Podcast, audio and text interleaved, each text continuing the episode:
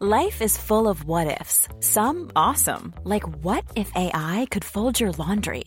And some, well, less awesome, like what if you have unexpected medical costs? United Healthcare can help get you covered with Health Protector Guard fixed indemnity insurance plans. They supplement your primary plan to help you manage out of pocket costs. No deductibles, no enrollment periods, and especially no more what ifs. Visit uh1.com to find the Health Protector Guard plan for you. Hiring for your small business? If you're not looking for professionals on LinkedIn, you're looking in the wrong place. That's like looking for your car keys in a fish tank. LinkedIn helps you hire professionals you can't find anywhere else, even those who aren't actively searching for a new job but might be open to the perfect role. In a given month, over 70% of LinkedIn users don't even visit other leading job sites. So start looking in the right place. With LinkedIn, you can hire professionals like a professional. Post your free job on linkedin.com slash people today. Hey, I'm Ryan Reynolds. Recently, I asked Mint Mobile's legal team if big wireless companies are allowed to raise prices due to inflation. They said yes. And then when I asked if raising prices technically violates those onerous two-year contracts, they said, what the f*** are you talking about, you insane Hollywood ass?" So to recap, we're cutting the price of Mint Unlimited from $30 a month to just $15 a month. Give it a try at mintmobile.com slash switch. $45 upfront for three months plus taxes and fees. Promo rate for new customers for limited time. Unlimited more than 40 gigabytes per month. Slows. Full terms at mintmobile.com. I februari 2002 skulle det lilla samhället Noble för alltid sammankopplas med en av de mest chockerande och skrämmande upptäckterna i delstaten Georgias historia. Den så kallade skandalen ägde rum på ett familjeägt krematorium som startades av Ray Marsh redan under 70-talet. Men verksamheten förändrades drastiskt när hans son Brent tog över och i slutändan påverkades tusentals personer av hans oförklarliga handlingar. Det här är fallet kring The Tri-State Crematory Scandal.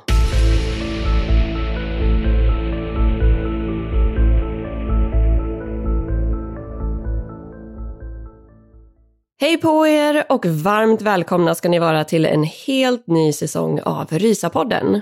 Och mer exakt så är vi nu inne på säsong 9. Och även den här säsongen så kommer ni att få höra mestadels från mig, Annie, men med några avsnitt här och där som Mickis kommer att presentera. Så redan nästa vecka faktiskt så kommer hon att gå igenom ett fall och eh, det är faktiskt ett seriemördarfall som en av er lyssnare har tipsat oss om tidigare. Men idag så ska vi faktiskt prata mer om en händelse, eller eh, snarare en skandal, som ägde rum vid ett krematorium i delstaten Georgia i USA, precis i början av 2000-talet. Och nu har ni ju faktiskt redan fått vänta ett bra tag på det här avsnittet, så jag tycker att vi kör igång direkt.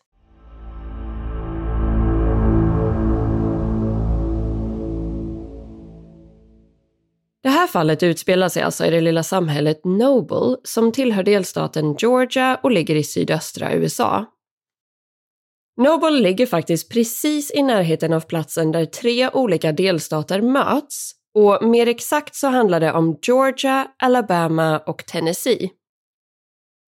Ett sånt här område brukar kallas för ett Tri-State Area och det är den enkla förklaringen till det här krematoriets namn och varför det här fallet ofta kallas för The Tri-State Crematory Scandal. Och ni har ju nu redan fått en liten, liten inblick i varför det här var en så pass chockerande händelse. Men i vanlig ordning så tänker jag att vi får ta och hoppa tillbaka till allra första början.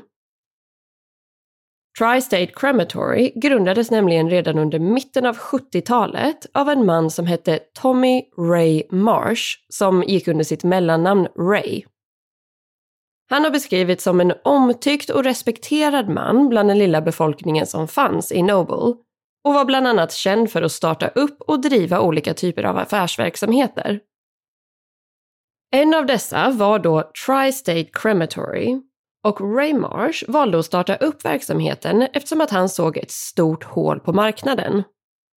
Det fanns nämligen inga aktiva krematorier i just det här området under 70-talet, även om behovet verkligen fanns.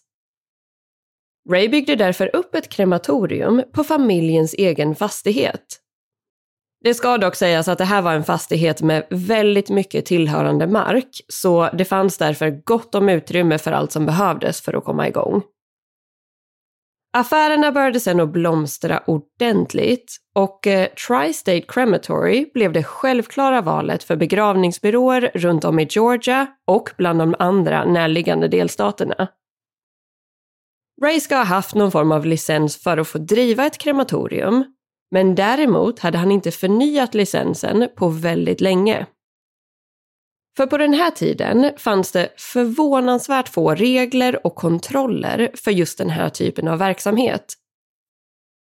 Men arbetet fortsatte att rulla på, affärerna gick bra, begravningsbyråerna de var väldigt nöjda och glada över att äntligen ha tillgång till ett mer lokalt krematorium.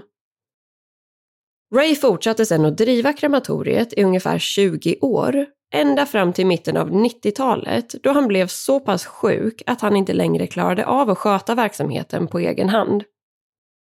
Bland annat ska han ha drabbats av stroke flera gånger och utöver det ska han också ha lidit av både demens och diabetes. I samband med att Rays hälsa blev allt sämre så beslutades att Rays unga son Ray Brent Marsh, som gick under sitt mellannamn Brent, skulle ta över familjeverksamheten. Och bara för att förtydliga lite här så hette alltså pappan Tommy Ray Marsh och sonen Ray Brent Marsh, men båda kallades för sina mellannamn, vilket gör att pappan blev Ray och sonen Brent. Men vid den här tidpunkten, det vill säga under mitten av 90-talet, så studerade sonen Brent Marsh vid University of Tennessee Chattanooga, eller UTC. Han var inne på sitt sista år av studier och har beskrivits som en utmärkt och driven student med väldigt bra betyg. Utöver det älskade han sport och Brent var bland annat en uppskattad del av universitetets fotbollslag. Med andra ord såg hans framtid väldigt ljus och lovande ut. Men helt plötsligt fick han nu istället hoppa av skolan för att ta över familjeverksamheten. Och det framgår faktiskt inte helt tydligt hur Brent faktiskt kände inför det här beslutet och hur pass delaktig han själv var i den här stora förändringen. Hans pappa Ray hade ju åtminstone haft en licens för att få driva krematoriet, även om den inte hade blivit förnyad på länge. Brent däremot hade ingen som helst utbildning inom det här området och ingen licens att tala om. Men återigen verkar inte det här spela så stor roll eftersom att delstaten Georgia inte hade möjlighet eller intresse för att följa upp och kontrollera den här typen av licenser.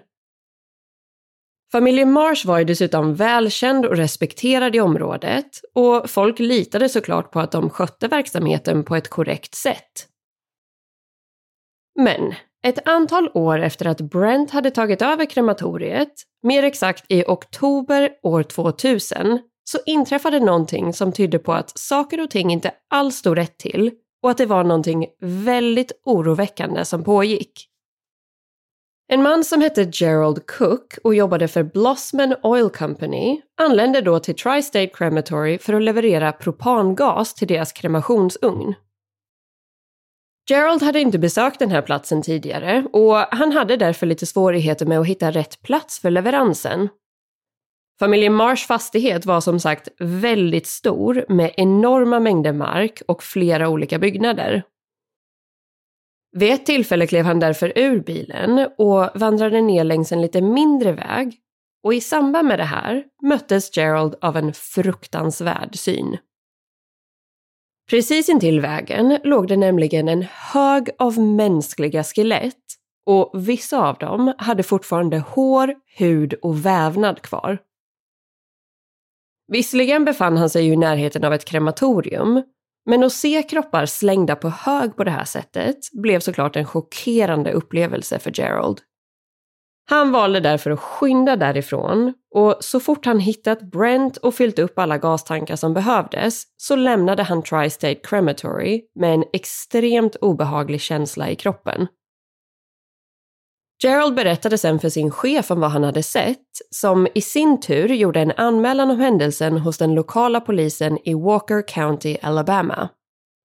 De valde dock att helt och hållet strunta i den här informationen Polisen ansåg nämligen att det inte alls verkade särskilt konstigt att det fanns döda kroppar på ett område som tillhörde ett krematorium. Och det här kan man ju såklart hålla med om till viss del, men däremot kan man ju tycka att högar av lik och skelettdelar kanske inte borde ligga utspritt på fastigheten. Men det här ledde i alla fall inte till någon utredning eller uppföljning överhuvudtaget. Och Gerald fortsatte med alla sina andra leveranser samtidigt som han försökte förtränga den här groteska synen som han hade tvingats ta del av. Ganska exakt ett år senare, i oktober 2001, så noterade Gerald att han återigen hade fått i uppgift att leverera gas till Tri-State Crematory. Det här var såklart inget som han var särskilt glad över, men eh, han var inte medveten om att polisen hade valt att ignorera den tidigare rapporten. Gerald utgick därför ifrån att problemet säkert hade blivit löst vid det här laget. Dessvärre var det här långt ifrån sanningen och Gerald skulle nu mötas av ännu en mardrömsliknande syn.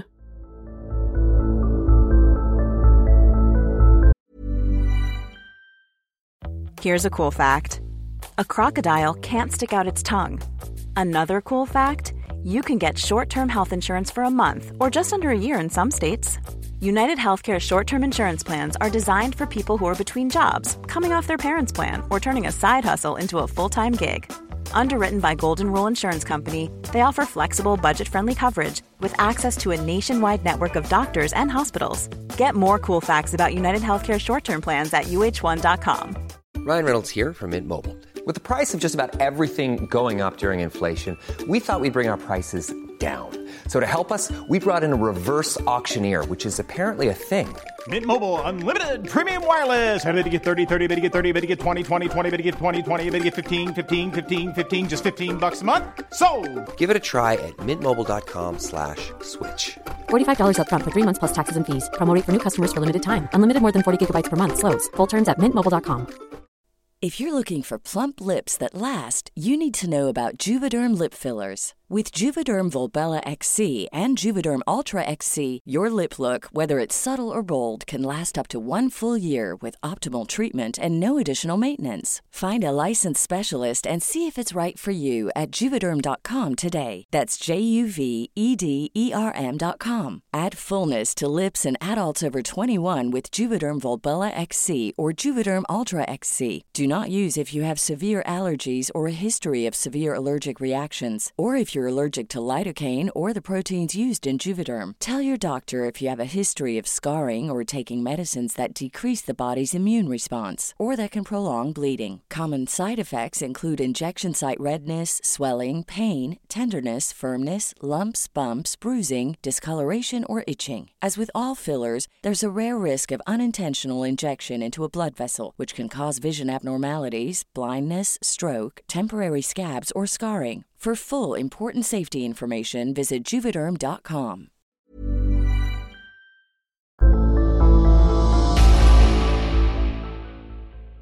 I samband med den här gasleveransen till krematoriet så fick Gerald syn på en stor grävmaskin och precis bakom den låg en död kropp i det senare skedet av förmultningsprocessen.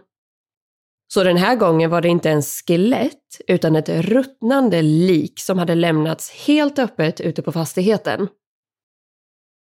Gerald noterade också en stor blå presenning och fick då en stark känsla av att det gömde sig ännu fler kroppar därunder. Återigen försökte han hålla sig lugn och avsluta leveransen så fort han bara kunde för att bege sig därifrån. Men det uppenbara faktumet att någonting inte stod rätt till stannade kvar hos Gerald och han började nu bli lite desperat kring var han skulle vända sig med det här ärendet för att bli tagen på allvar. Till slut bestämde han sig för att kontakta sin moster eller faster. Det är ju som alltid lite svårt att veta exakt vilket det är eftersom att det engelska ordet kan betyda båda två. Den här kvinnan hette i alla fall Faye Deal och arbetade inom en administrativ typ av roll inom FBI och på deras kontor som låg i Rossville, Georgia. Faye blev väldigt oroad över Geralds vittnesmål kring vad han hade sett på familjen Marsh fastighet och hon i sin tur kontaktade då en myndighet som kallas EPA. Den här förkortningen står för Environmental Protection Agency och deras huvudsakliga uppgift är att skydda både människor och miljö från eh, exempelvis skadliga gifter och föroreningar. Och det verkar som att EPA ungefär skulle kunna jämföras med Naturvårdsverket här hemma i Sverige. Men EPAs uppgift handlar ju absolut inte om att utreda dödsfall eller liknande. Däremot kan det ju innebära en hel del risker både för människor och miljö om det är så att det ligger massa döda kroppar utspridda på en fastighet i området. Faye upplevde dock att den utredaren som hon fick prata med, en man som hette Frank Garcia, absolut inte tog hennes anmälan på allvar. Detta trots att hon i detalj beskrev allt det som Gerald hade sett och skicket som kropparna hade befunnit sig i. Faye valde sedan att formulera om sitt ärende lite grann och frågade Frank vad han skulle ha gjort om hennes hund hade hittat ett mänskligt ben i området. Hon fick då svaret att eh, det i så fall skulle behöva utredas. Så med andra ord är det faktiskt lite svårt att förstå exakt hur de prioriterade och vad som ansågs vara viktigt eller inte. Det finns också lite olika information beroende på källa kring vad som hände efter det här telefonsamtalet. För enligt vissa källor så ska Frank Garcia från EPA ha valt att kontakta polisen i Walker County, Alabama. Det vill säga samma polisstation som tog emot en tidigare anmälan från Geralds chef. Men enligt andra källor så ska Faye själv ha valt att ta ärendet vidare till polisen i Walker County och ska då ha sagt just att hennes hund hade hittat ett ben och att det borde undersökas. På ett eller annat sätt så blev i alla fall polisen inblandade igen och de valde då att skicka ut en av sina anställda till familjen Marsh fastighet. Väl där möttes den här polisen av Brents mamma, Clara Marsh, eftersom att hon och pappan Ray Marsh fortfarande bodde kvar på fastigheten, även om han, på grund av att han var sjuk, inte var delaktig i verksamheten längre. Polismannen förklarade sen att de hade fått in ett klagomål om att en hund hade hittat ett mänskligt ben i närheten av krematoriet. Svaret han fick av Clara och Ray var då att det var helt omöjligt eftersom att alla kroppar som levererades till fastigheten kremerades. Och polismannen tyckte uppenbarligen att det här räckte som förklaring, speciellt med tanke på att han själv inte hade noterat någonting märkligt eller suspekt vid sitt besök på fastigheten. Han ska däremot inte ha undersökt själva området runt just krematoriet eftersom att grindarna dit var låsta när han kom dit. Så man skulle nog absolut kunna säga att det här var ett ganska så halvhjärtat försök till att följa upp den anmälan som hade kommit in. Verksamheten fortsatte därför rulla vidare och ännu en tydlig varningssignal hade nu slarvats bort. Efter det här besöket så passerade flera månader men den 14 februari 2002 såg Geralds släkting Faye en ny möjlighet för att kunna ta ärendet vidare. Den här dagen var hon nämligen inne på sin arbetsplats, det vill säga FBI's kontor i Rossville. Helt plötsligt fick hon då syn på en man som hette Robin Hedden och som arbetade som specialagent och utredare inom olika typer av brott hos EPA. Med andra ord, precis den typen av person som hon ville ha direktkontakt med. Faye ska inte ha lyckats få kontakt med honom där och då på kontoret, men hon valde senare att söka upp hans telefonnummer.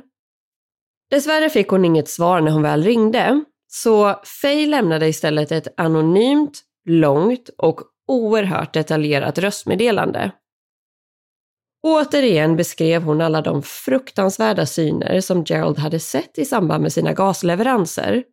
Och den här gången gav det faktiskt resultat.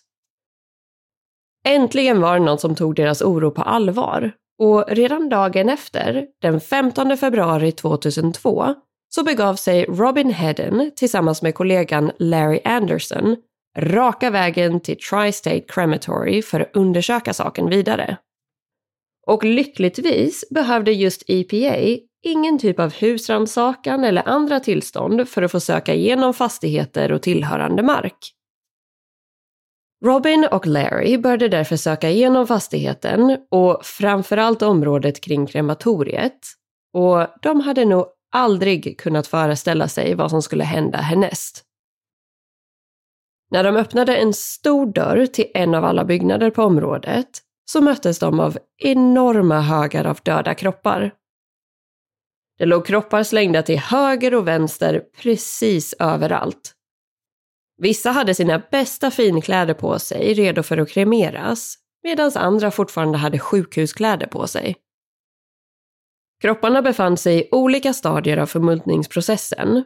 Vissa såg ut att ha avlidit ganska så nyligen, medan andra var i princip bara ben och skelett. Robin och Larry fortsatte sedan att öppna fler och fler olika dörrar, gömmor och valv och möttes då av ännu fler kroppar. Och förvånansvärt nog så ska det ha varit först vid det här tillfället, alltså när man öppnade vissa av de här gömmorna och valven, som alla odörer faktiskt började släppas fria. De insåg att det här var större än de någonsin hade kunnat ana och ganska direkt kom polisen från Walker County dit för att hjälpa till. Det gick inte ens att räkna hur många kroppar som faktiskt fanns där och en utredare från polisen har senare uttalat sig om att de här groteska och skrämmande synerna var som direkt tagna ur en Stephen King-roman. Flera av kropparna låg fortfarande instängda i kistor och eh, man hittade faktiskt till och med en sliten gammal likvagn som innehöll ännu en kista med en kropp i. Under de nästkommande fem dagarna fortsatte man sedan att söka igenom området kring Tri-State Crematory och den 19 februari släpptes information till allmänheten om att man hittills hade upptäckt 149 kroppar runt om på fastigheten. Det här blev såklart en enorm chock för det lilla samhället Noble och nyheten spred sig som en löpeld till närliggande delstater och resten av USA. Skandalen vid Tri-State Crematory var redan nu ett faktum. Teamet som arbetade vid krematoriet hade nu växt till sig ordentligt och till slut så var det drygt 30 olika personer som jobbade väldigt hårt med att försöka lokalisera och identifiera alla kvarlevor. Teamet bestod bland annat av läkare, sjuksköterskor och patologer. Och enligt uppgift så hade flera av dem tidigare arbetat med att identifiera dödsoffer efter attacken vid World Trade Center som ägde rum ganska exakt ett halvår innan det här, i september 2001. I slutändan upptäcktes nästan 350 kroppar på familjen Mars fastighet. Den exakta siffran varierar lite beroende på källa, men eh, 334 är i alla fall en siffra som är väldigt vanligt förekommande.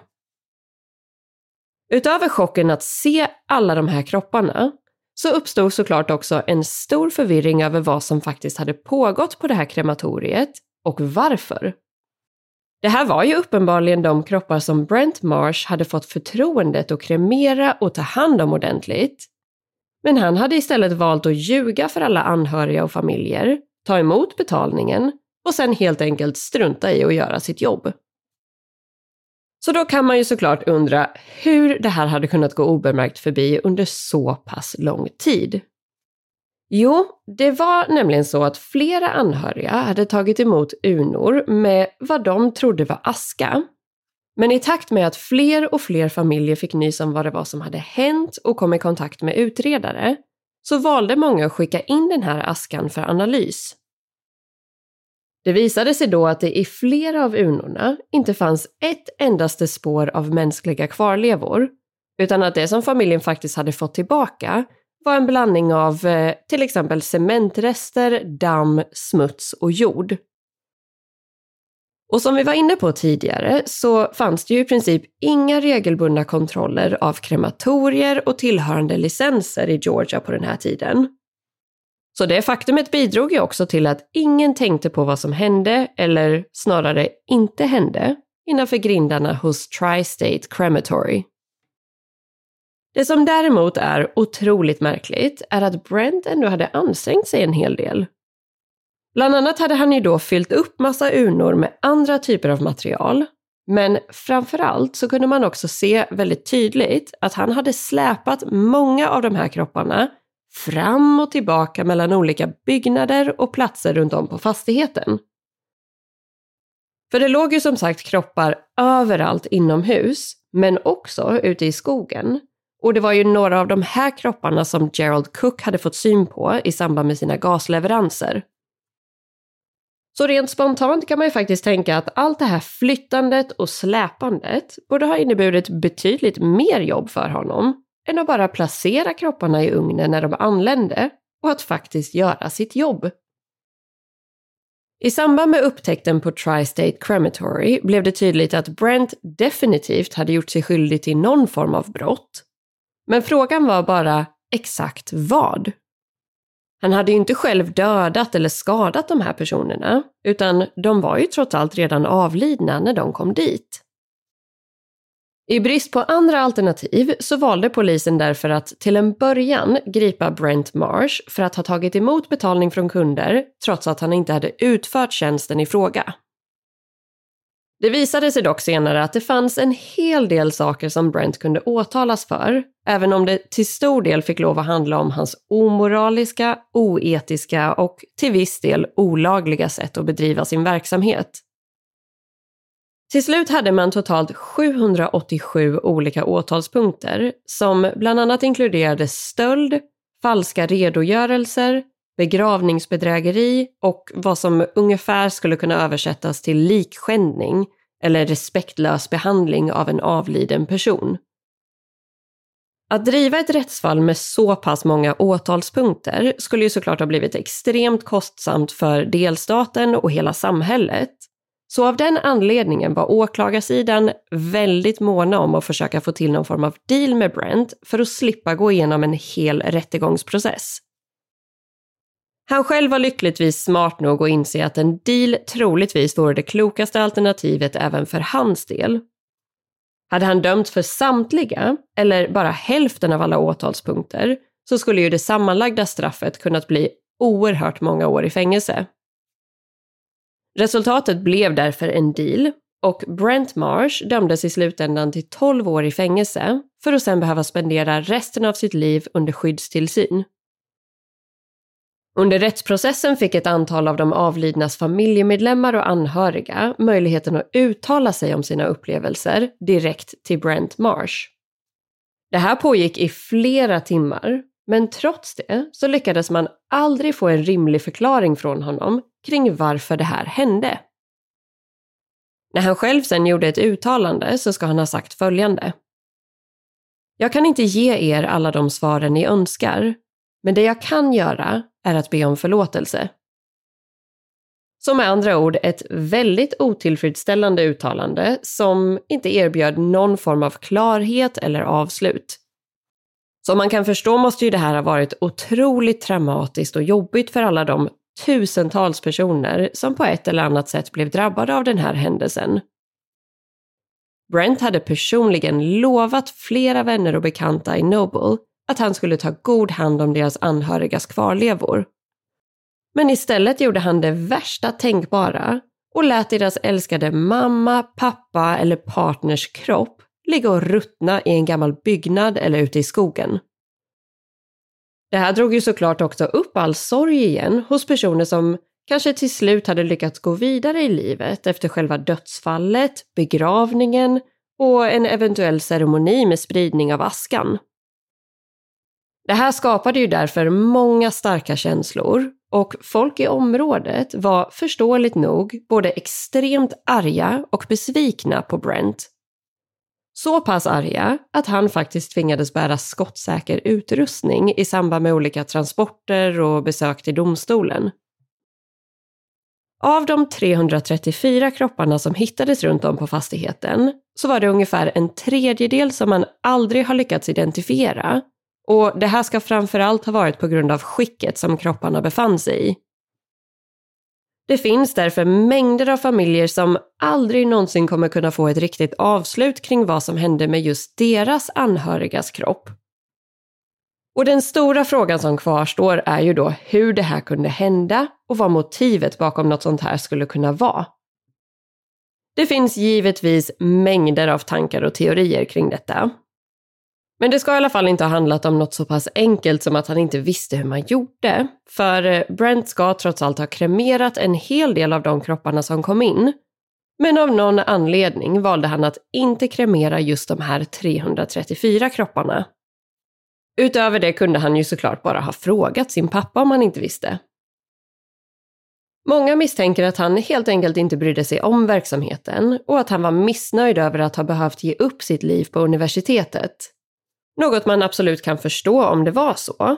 Men att hellre leva och arbeta bland hundratals döda kroppar än att faktiskt bara göra jobbet känns såklart som ett ganska så märkligt val. Hans egen advokat presenterade en teori om att Brent skulle ha drabbats av kvicksilverförgiftning till följd av ångor från gamla tandimplantat bland de äldre döda kropparna som kremerades och att det här då ska ha påverkat hans hjärnfunktion. Det finns dock inte så mycket som tyder på att det skulle ha varit så och det anses därför vara en ganska så långsökt teori. Sen får man ju erkänna att det kanske ändå hade varit en rimlig förklaring, för det är svårt att tänka sig att en människa med normal hjärnfunktion skulle fatta de beslut som Brent gjorde under den här tiden. Andra vanliga teorier är att han ska ha hamnat efter i sitt arbete så till den grad att han helt enkelt gav upp. Men även här finns det många frågetecken kring hans agerande. För ett smidigare alternativ hade ju då kanske varit att ta hjälp av ett annat krematorium eller att ta in extra personal för att hjälpa till med arbetet.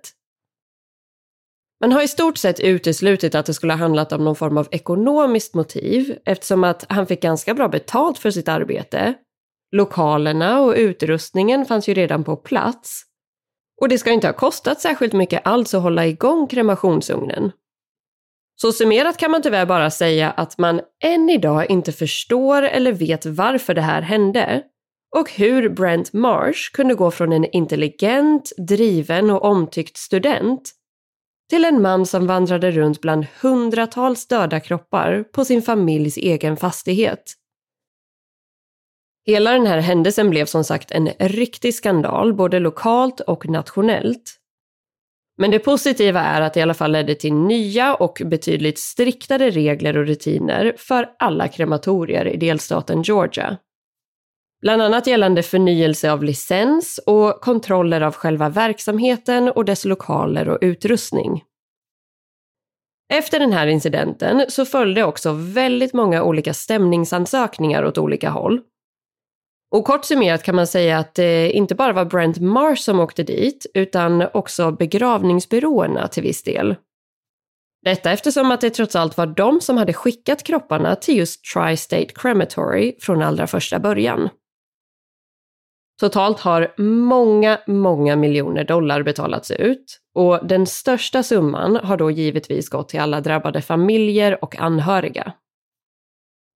Delstaten Georgia fick också punga ut med miljontals dollar för alla olika delar kopplade till den här incidenten.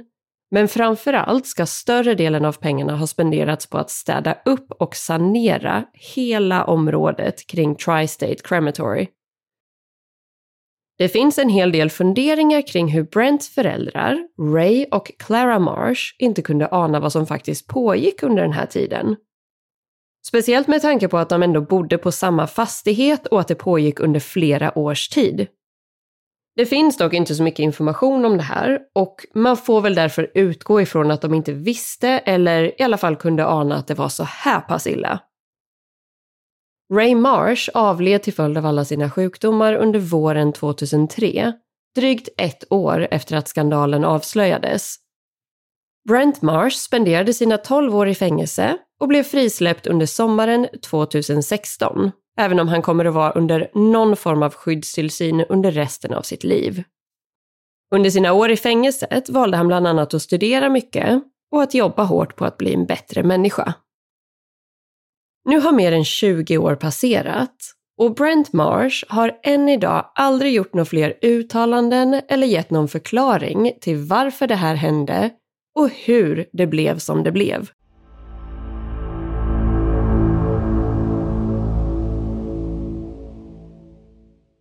Ja, hörni, då var vi alltså officiellt igång med säsong 9. Och som alltid får ni hemskt gärna höra av er till oss med era tankar och teorier. Varför tror ni att det blev så här? Och vad tror ni att hans motiv var? Om det ens fanns något. För jag kan säga att jag har funderat alldeles för mycket på det här fallet nu Och man kan ju nästan önska att Brent hade typ kunnat hitta på en anledning bara. För då tänker man ju att alla de här stackars familjerna i alla fall hade kunnat ha någonting att hålla fast vid. Men men, nästa vecka så blir det ju alltså ett kärt återseende eftersom att Mickis då ska ta er igenom ett helt nytt fall. Tills dess får ni se till att ta hand om er själva och varandra. Och stort tack för att just du har valt att lyssna på det här avsnittet av Risa-podden.